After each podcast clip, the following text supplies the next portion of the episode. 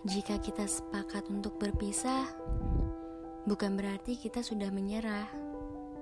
Aku dan kamu bukannya tak mau usaha, tapi usaha yang tak putus-putus justru membuat kita kelelahan luar biasa. Kamu yang sangat aku cintai, kini justru menjadi orang yang paling ingin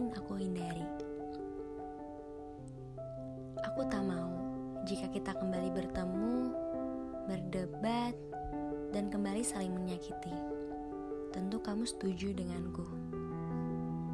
Kamu pun merasakan bahwa hubungan kita memang perlu disudahi daripada dilanjutkan tetapi penuh pertengkaran.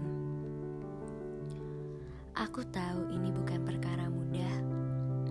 Kita yang sekian tahun bersama tak akan terbiasa hidup terpisah lama-lama. Tapi sepertinya perpisahan adalah jalan terbaik.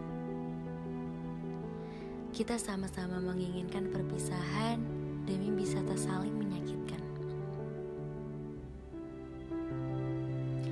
Karena sejatinya tidak pernah ada yang biasa-biasa saja dari dua hati yang pernah bahagia bersama lalu berpisah karena berbagai hal yang tak mau harus diterima.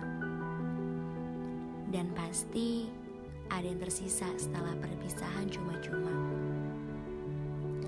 Tak apa bila masih tak terima. Kelak, semua akan kembali biasa.